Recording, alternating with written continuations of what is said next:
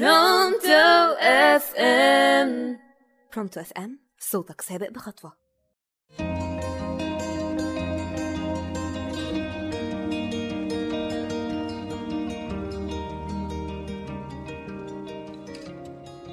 بالزمن الحالي مصطلحات سلبية كتير بقينا نسمعها وما نندهش منها. مصطلح زي بيدوفيليا اغتصاب سايكوباتية ومواقف كتير بشعة بتحصل وما بتهزناش أو ما نستغربش من حصولها لمجرد إننا شفناه كتير ويكاد يكون حصل لنا. موقف زي فلان ضرب ابنه وكسر له إيده أو حبس بنته عشان ما بتسمعش الكلام. بس القصة اللي هتكلم عنها النهاردة قصة فريدة من نوعها وما سمعناش عن حاجة شبهها قبل كده. أنا سمرين سامح في برنامج من ده على ده على راديو Pronto FM. يلا نبدأ الحلقة. كلارك ويلي اتربى في دار رعاية في شمال غرب المحيط الهادي. شخصيته كانت رخمة شوية عصبي متحكم بيكره الإزعاج وما كانش عايز يخلف. بس مش كل حاجة عايزينها بتحصل.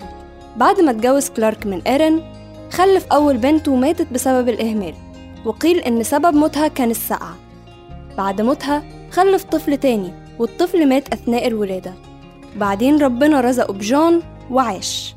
وبعدين رزقه ببنت وحفاظا على خصوصية القضية سميت بجيني.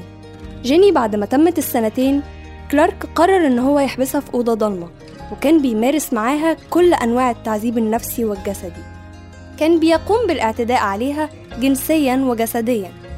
جيني ما كانش مسموح لها تكلم أو تشوف أي حد ما كانش حد بيتواصل معاها أبدا حتى إيرين مامتها.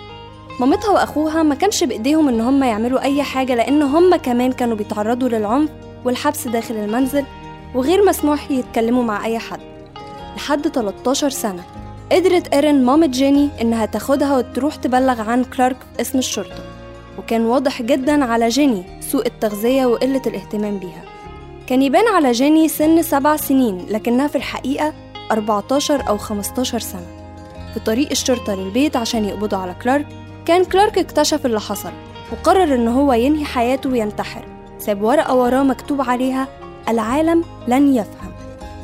بعد ما الدكاترة فحصوا جيني لقوا في أجزاء في عقلها نموها مش مكتمل وكانوا بيعلموها من أول وجديد كل حاجة المشي الكلام كل حاجة حرفياً.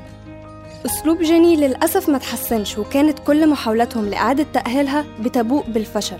محدش عارف كم المعاناة اللي جيني بتواجهها واللي كلارك أبوها قدمها لها. إزاي في أب يقدم كل المعاناة دي لأطفاله.